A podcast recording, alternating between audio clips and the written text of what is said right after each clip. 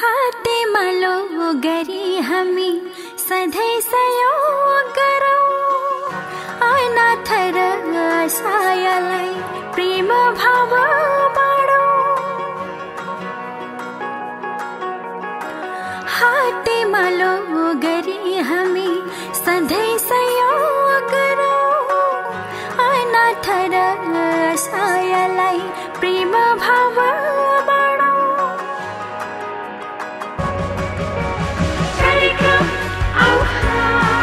नमस्कार मासिक रेडियो कार्यक्रम आह्वानबाट म गोपालको। हरेक अङ्ग्रेजी महिनाको पन्ध्र तारिक तपाईँले love and support फाउन्डेसनको website W W W dot love and support foundation dot ओआरजीमा online radio कार्यक्रम आह्वान सुन्न सक्नुहुनेछ। परोपकार तथा गैर नाफामूलक सामाजिक संस्था लभ एन्ड सपोर्ट फाउन्डेसनद्वारा सञ्चालित यो कार्यक्रम परोपकार मनोरञ्जन र समाजसेवाको क्षेत्रमा भएका कार्यहरूमाथि केन्द्रित हुनेछ। यो कार्यक्रम झापा बिर्तामोडको भिजन एफएम एकानब्बे दशमलव छ मेगा हर्जबाट हरेक अङ्ग्रेजी महिनाको सोह्र तारिक साँझ आठ बजेको भिजन न्युजपछि पनि सुन्न सक्नुहुनेछ। कार्यक्रमको सुरुमा प्रस्तुत गर्दैछु गतिविधि।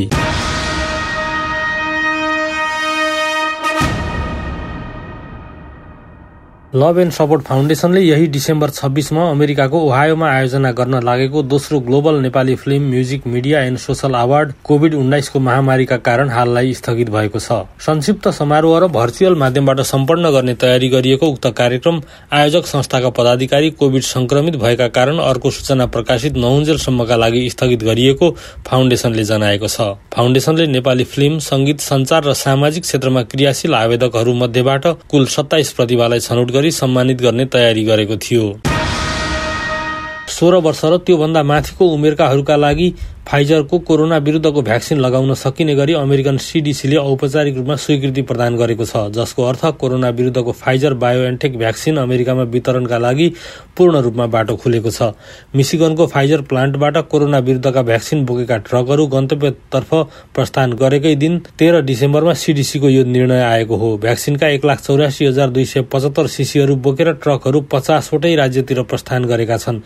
त्यस्तै अन्य अमेरिकी भूभागका लागि पनि भ्याक्सिन पठाइएको छ। भ्याक्सिन पन्ध्र डिसेम्बरसम्ममा राज्यहरूमा पुग्नेछ। अरू तीन लाख नब्बे हजार सिसी सोमबार चार सयवटा ट्रकमा प्याक गरेर पठाइने भएको छ। ती सिसीहरू सोह्र डिसेम्बरसम्म राज्यहरूमा पुग्ने जनाइएको छ। सधैँ चाहिँ आजको अङ्कमा पनि अबको पालोमा साहित्यिक प्रस्तुति। साथी देवकी शर्माबाट।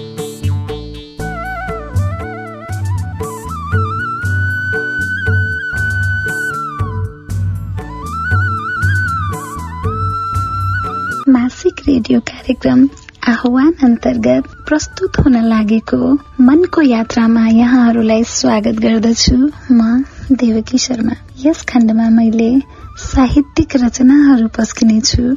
पहिलो प्रस्तुति रहेको छ वरिष्ठ साहित्यकार उमेश राई अकिञ्चनको परदेश शीर्षकको यो कविता। यादहरूको यात्रा हिँडिरहेछ प्रवासी मन निलो पर्दा समुद्रमा हेर्दै जिन्दगी चलचित्र थाहा छैन कसले छायाङ्कन गरेर राखिदियो आँखामा। पीडाका पहाडहरू समुद्रको हावा जस्तो किन चिसो भयो मन। मोनालिसाका मुस्कान पस्किएर हिँड्ने रंगहरूको देशमा विवाह मण्डपको हेलोजन लाइटमा सारा शहर देखिन्छ। समुद्र मुनिबाट चल्छ भूमिगत रेल। चौबिसै घण्टा चौबिसै घण्टा खुल्छ सेभेन इलेभेन। चौरासी परिकार पस्कन्छ म्याकडोनल्ड। सुखको कुन व्याकरण उपलब्ध छैन र? तर हिँड्दै जाँदा बाक्लो हुस्सुको राजमार्गमा बिसाएर अनुहार थोपा जोड घटाउमा बग्दै जाने पानी हो। फर्कन सक्दैन। आफ्नै जन्मघर। हजुरहरूले भर्खरै सुन्नुभयो कवि उमेश राई अकिञ्चनद्वारा रचित परदेश शीर्षकको यो कविता। भोजपुरमा जन्मिनु भएकी कवयित्री गीता कार्कीद्वारा सिर्जित म धेरै चोटि दुख्छु शीर्षकको कवितालाई अब म वाचन गर्न गइरहेकी छु मनको यात्रामा। डाँडाबाट उक्लेर जुन सर्वत्र फैलिनु यदि उसको नैसर्गिकता हो भने किन आज जुनको दृष्टि छैन? किन आफ्नै किरणको न्यानोले सेकेका औलाहरूबाट फोरिन्छ जुनको आँखा? के उनी बोक्सी नै हुन्? उनी जुन होइनन्? उनीसँग उज्यालो छैन? अखबारको पहिलो पृष्ठमा जब जुनको दृष्टिविहीन तस्विर पढ्छु उनलाई रोपेकै सुइरोले दुख्छु म। सीमान्त पीडामा निशब्द दुख्ने गर्छु। मेरो दुखाएका पृष्ठभूमिहरू धेरै छन्। तिमीलाई दुख्छ कि भनेर दुख्छु। घात गर्नेहरूसँग दुख्छु। साथ दिनेहरूसँग दुख्छु। विष घोलेर अमृत दिनेहरूसँग दुख्छु। फूलको पिछ्यौना हालेको देखेर खिन्न हुनेहरूसँग दुख्छु। काँढामा टेकेको देखेर खित्का छाड्नेहरूसँग पनि दुख्छु। खै कहाँनेर कतिखेर दुख्छु? म धेरै चोटि दुख्छु। सबैतिरबाट झिर पसेपछि मेरी आमाले पूजालाई भरेको कलशको चोखो पानी र त्यही पानीको जस्तो आमाको मन गाउँमै छाडेर आएको सम्झिन्छु र हरेक दिन बोरिङको पानीले शरीर चोख्याउँदै गीताका श्लोक पढ्छु। मैले सम्झने विषयहरू धेरै छन् र छुटेका कुराहरू पनि धेरै छन्। ती सम्झिने विषयहरूले पनि दुख्छु। छुटेका कुराहरूले पनि दुख्छु। म धेरै पटक दुख्छु। दुखाइमा आनन्दकै छहारी भेट्छु। दुखाइमा विषय देख्छु।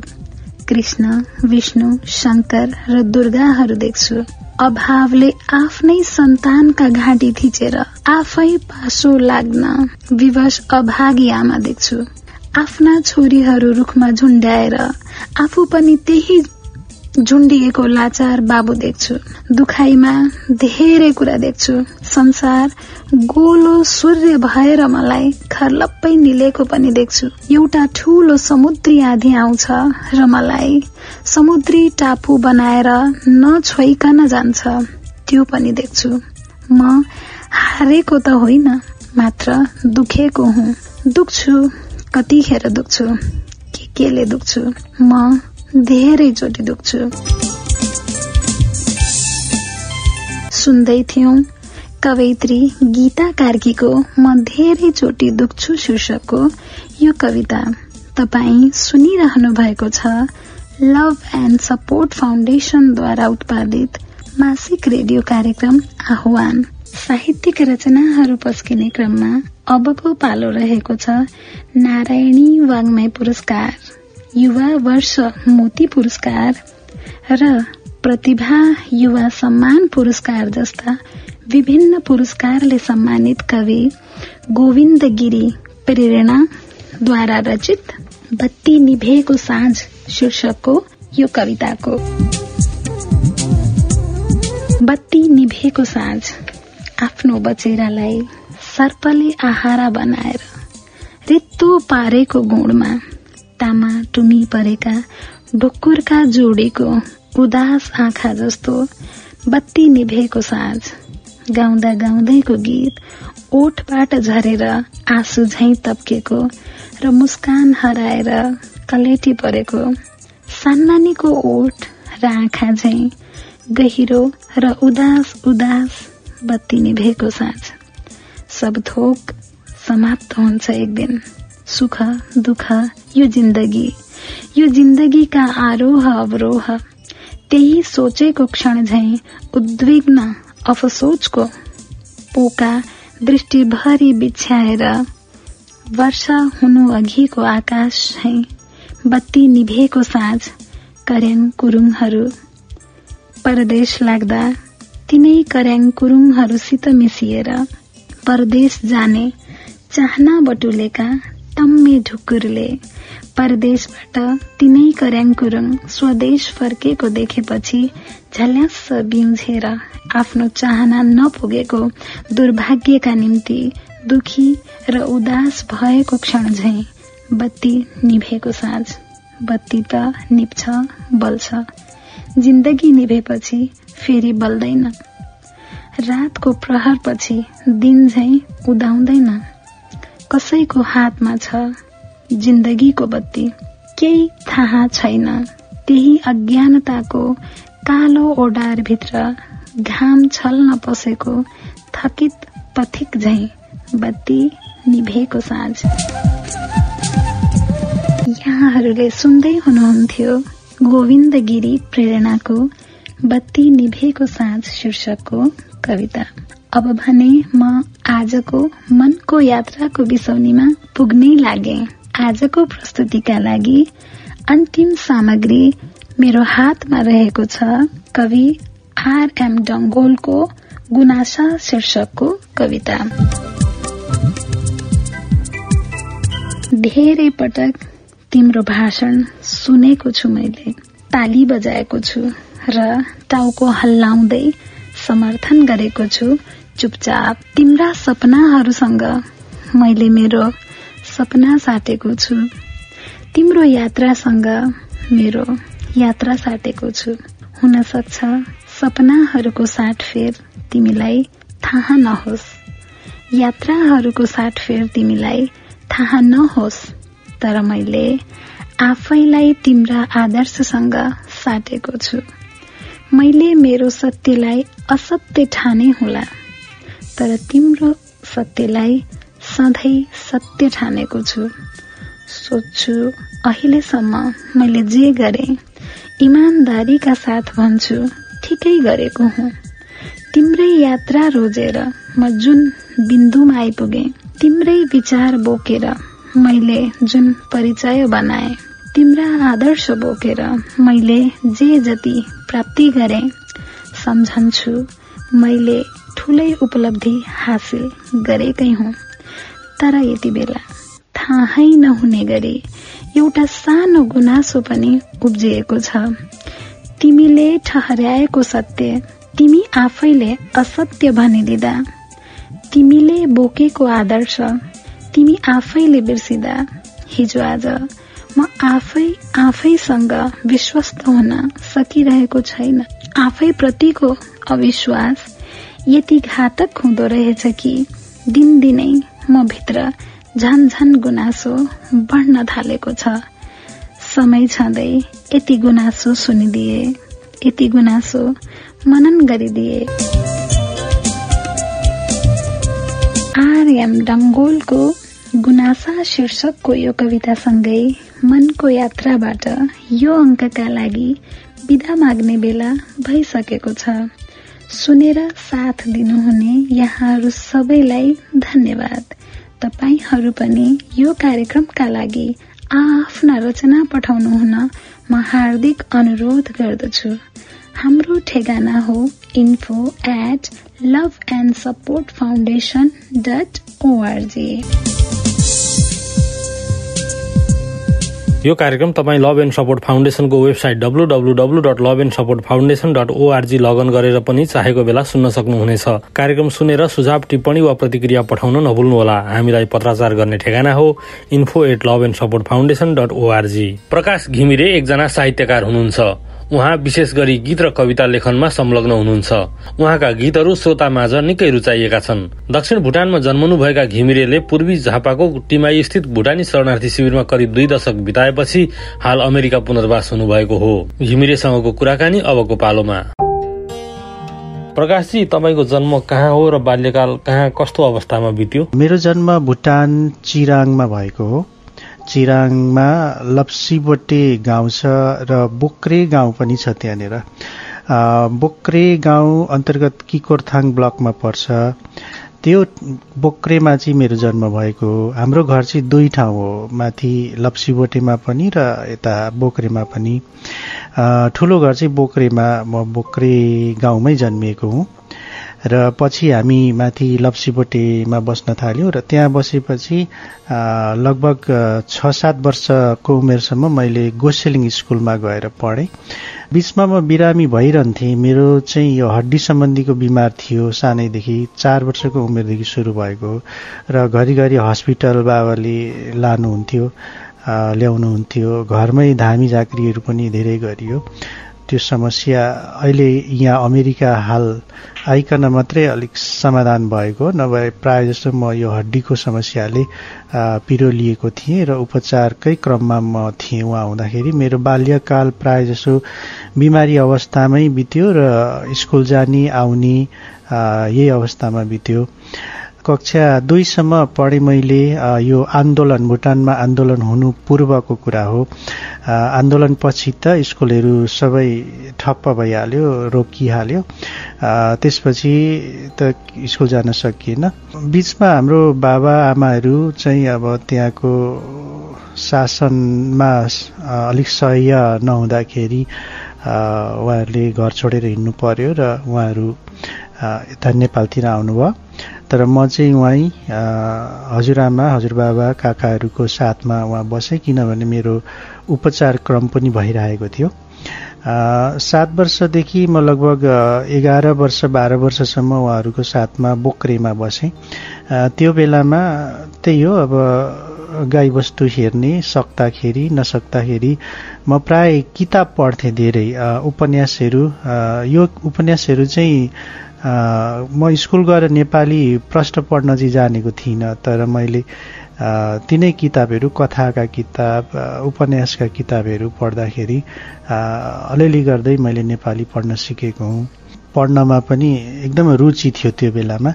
सुरुमा त म केही बुझ्दिनँ थिएँ तरै पनि पढ्न कथा मलाई मजा लाग्थ्यो। रेडियोबाट आउने नाटकहरू सुन्थेँ एकदमै त्यो साढे एकमा रेडियो नेपालबाट आउने नाटक गीती कथा यस्तो चाहिँ म सानैदेखि गर्थेँ। अब किन होला भन्दाखेरि अब यही कुराहरू साहित्य सम्बन्धी अलिकति आफूलाई रुचि भएको रहेछ त्यही बेलादेखि मलाई।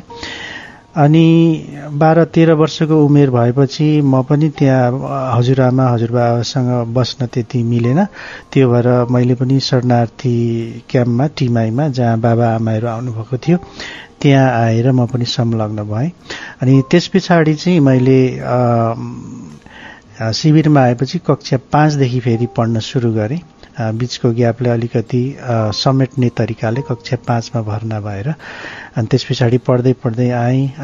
मलाई त्यो पढ्नमा किताबहरू पढ्नमा र लेख्नमा शिविरमा आउँदा नि उत्तिकै चासो थियो र म खोजी खोजी पढ्ने ओर्ने गर्थेँ।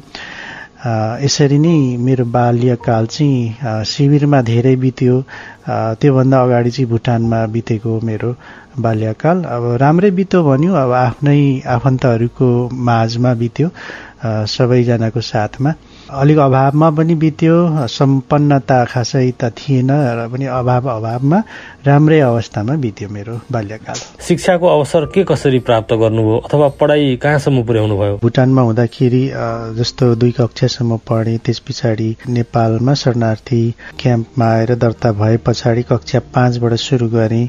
अन्त त्यही कक्षा पाँचबाट पढ्दै जाँदाखेरि एसएलसी पनि नेपालमै मैले पास गरेँ। एकदमै धन्य छौँ हामी भुटानीहरू चाहिँ शिक्षामा चाहिँ किनभनेदेखि हामीले शरणार्थी अवस्थामा पनि दात्री संस्थाहरूले हामीलाई शिक्षामा चाहिँ बन्देज गराएन भनौँ अब त्यसमा चाहिँ धेरै धेरै कृतज्ञ र धन्यवाद उहाँहरू हुनुहुन्छ धन्यवादका पात्रहरू।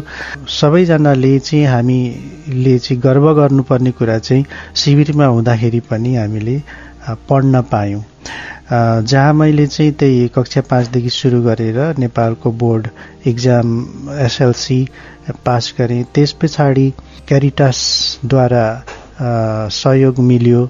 युएनएससिआरको अगुवाईमा बाहिर गएर पढ्ने र मैले बाहिर बिर्तामोड स्थित एमइटी कलेजमा गएर कक्षा एघार बाह्र त्यहाँ सकेको हुँ। त्यस पछाडि पनि मलाई पढ्नमा अलिकति रुचि राखेकै रहेकै हुनाले चाहिँ मैले बिबिएस पनि एमइटी कलेजमै सकेँ। त्यहाँ चाहिँ आफ्नै पैसाले नै पढ्नु पर्थ्यो बिबिएस चाहिँ। त्यसको लागि मैले जोडदाम अब कताबाट हुन्छ के गरेर हुन्छ उता भुटानभित्रैबाट पनि काकाहरूसँग सहयोग लिएँ र कसो कसो गरेर बिबिएस सकेको हुँ मैले त्यहाँ। मेरो पढाइ भनेको चाहिँ त्यही बिबिएस तेस्रो वर्ष सकेको हुँ मैले। त्यस पछाडि चाहिँ पढ्ने सोच छ पनि तर यता आइयो अमेरिकामा। अब यहाँनिर चाहिँ अब अलिकति छुट्टै माहौल छ त्यो भएर अब सकिन्छ पढ्नलाई पछि गएर तर अहिलेसम्मको मेरो पढाइ भनेको चाहिँ त्यति नै हो। तपाईँ साहित्यमा रुचि र संलग्नता भएको मान्छे शरणार्थी शिविरको अभावग्रस्त अवस्थामा आफ्नो रुचि र प्रतिभालाई कसरी अगाडि बढाउन सम्भव भयो? यो साहित्यमा रुचि चाहिँ अब अझै मजाले निखारिएर र तिखारिएर ममा आफै विकास हुन थालेको चाहिँ यो शिविरमा हुँदाखेरि नै हो भन्न चाहन्छु म चाहिँ। कसरी भन्दाखेरि चाहिँ शिविरमा हुँदाखेरि विभिन्न साहित्यकारहरूलाई सुन्न पाएँ मैले र प्राय जस्तो देख्न पनि पाएँ। जो चाहिँ भुटानमा हुँदाखेरि म किताब मात्रै पढ्दथेँ खुब सुन्थेँ। रेडियो नेपालको साहित्य कार्यक्रम दाहाल यज्ञ निधिले चलाउनुहुन्थ्यो। पछि उहाँलाई मैले वृत्तामोडमा भेट्ने पनि अवसर पाएँ र उहाँबाट मैले एउटा सानो सेमिनार जस्तो पनि लिएको थिएँ बिर्तामोडमा अतिथि सदनमा। तर नेपालमा आएपछि चाहिँ अब एफएम रेडियोहरू धेरै नै धेरै नै साहित्यिक स्रष्टाहरूसँगको अन्तर्वार्ता सुन्न पाएँ र कतिवटा कार्यक्रममा म आफैले पनि सहभागी हुन पाएँ यता कलेज अवस्थामा आइसकेपछि। शिविरभित्रै हुँदाखेरि चाहिँ कक्षा पाँचदेखि पढ्दै जाँदाखेरि त्यसरी किताबहरू पढ्ने क्रम मेरो बढी नै भयो। कविताहरू पनि लेख्न थालेँ कथा लेख्न थालेँ गीती कथाहरू लेख्न थालेँ रेडियोतिर पठाउन थालेँ। साथसाथै म गीत पनि गाउँथेँ त्यो बेलामा।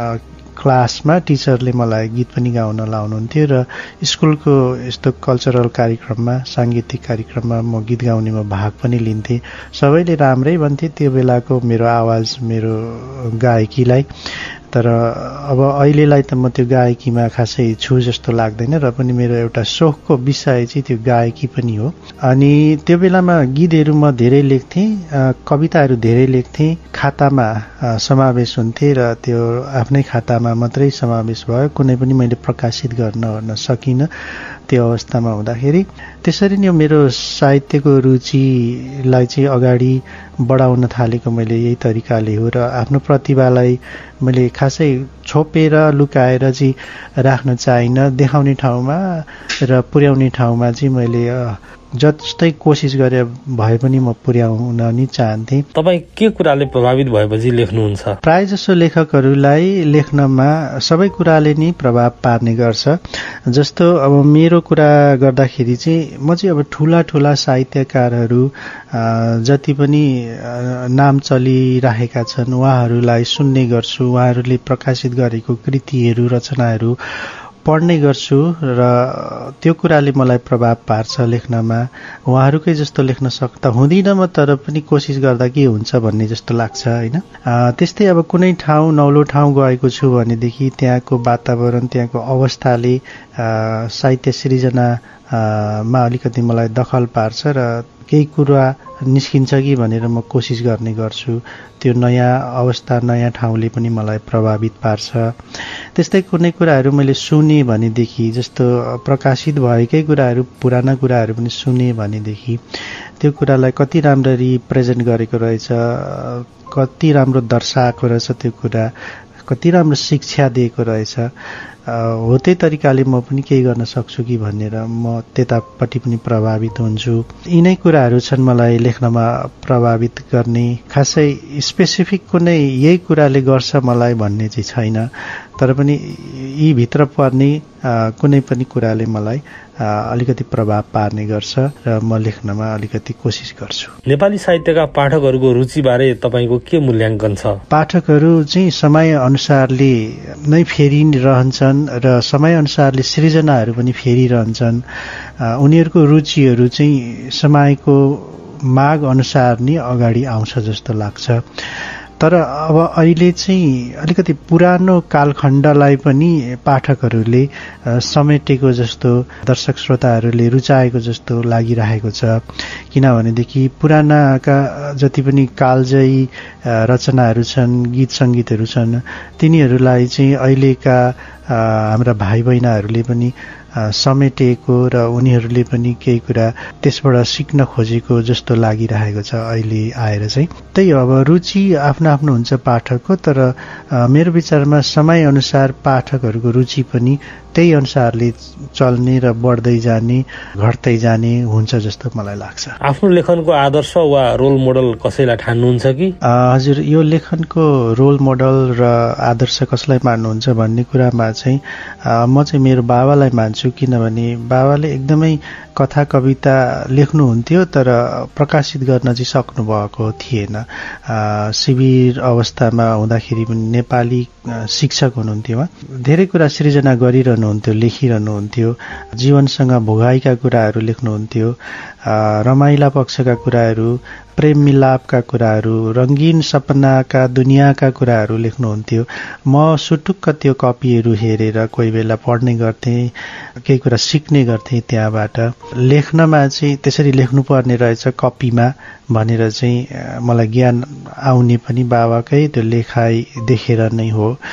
त्यसपछि त मैले अरू प्रकाशित कृतिहरू अरू अरू वरिष्ठहरूको पनि पढ्न थालेँ देख्न थालेँ। र यसरी लेख्दाखेरि प्रकाशित पनि गर्न सकिने रहेछ भन्ने पनि ज्ञान भयो मलाई। र मेरो आदर्शको पात्र चाहिँ मेरो बाबा नै हुनुहुन्छ। यो सबै श्रेय उहाँलाई जान्छ। नेपाली साहित्यको स्तर उन्नति हुन के गर्न जरुरी देख्नुहुन्छ? यसमा अब धेरै कुराहरू छन् जस्तो लाग्छ मलाई चाहिँ। जस्तो साहित्य लेखन त एउटा एकदमै सूक्ष्म के भन्छ एकदमै सेन्सिटिभ मैले भन्न खोजेको सूक्ष्म भने तर सेन्सिटिभ हो यो साहित्य लेखन भनेको चाहिँ। किनभनेदेखि जुन कुरा लेखिएको छ जुन कुरा सृजना गरिएको छ त्यो आफूमा मात्रै रहने होइन। त्यो सारा दुनियाँले हेर्ने हो र त्यो लेखेकोबाट केही ज्ञान पाउने हो केही कुराहरू सिक्ने हो। तर अब साहित्यमा अहिले एकदमै छाडापन छ। अब त्यो छाडापन चाहिँ सृजनामा उतारियो भनेदेखि त सबै साहित्य नै छाडा भयो नि त होइन र? त्यो कुरा नै चाहिँ सिकिने भयो पाठकहरूले पनि। र त्यसको सन्देश पनि त्यही जाने भयो। र यो छाडापनलाई चाहिँ अलिकति नियन्त्रण गर्न सक्नुपर्छ पुरै निर्मूल गर्न सक्नुपर्छ। अनि मात्रै साहित्यको स्तर अलिकति राम्रो भएर जान्छ जस्तो लाग्छ। अर्को कुरा चाहिँ अलिकति ज्ञान नभइकन साहित्यमा सहभागी नभएको पनि राम्रो जस्तो। नयाँ नयाँ हाम्रा सृजनाकर्ताहरू हुनुहुन्छ साहित्यकारहरू हुनुहुन्छ। उहाँहरू प्रायः जसो केही कुरा सृजना गरिराखेकै हुनुहुन्छ। अब स्पष्ट रूपमा भन्नुपर्दाखेरि ठुलो भएर बोलो भन्ने चाहिँ लाग्छ होला तर प्राय जस्तो नव आगन्तुकहरू आएको त राम्रो छ एकदमै एकदम स्वागत उहाँहरूलाई। तर पनि उहाँहरूको सृजना हेर्दाखेरि चाहिँ काहीँ कतै केही नमिलेको नै हुन्छ हुन चाहिँ।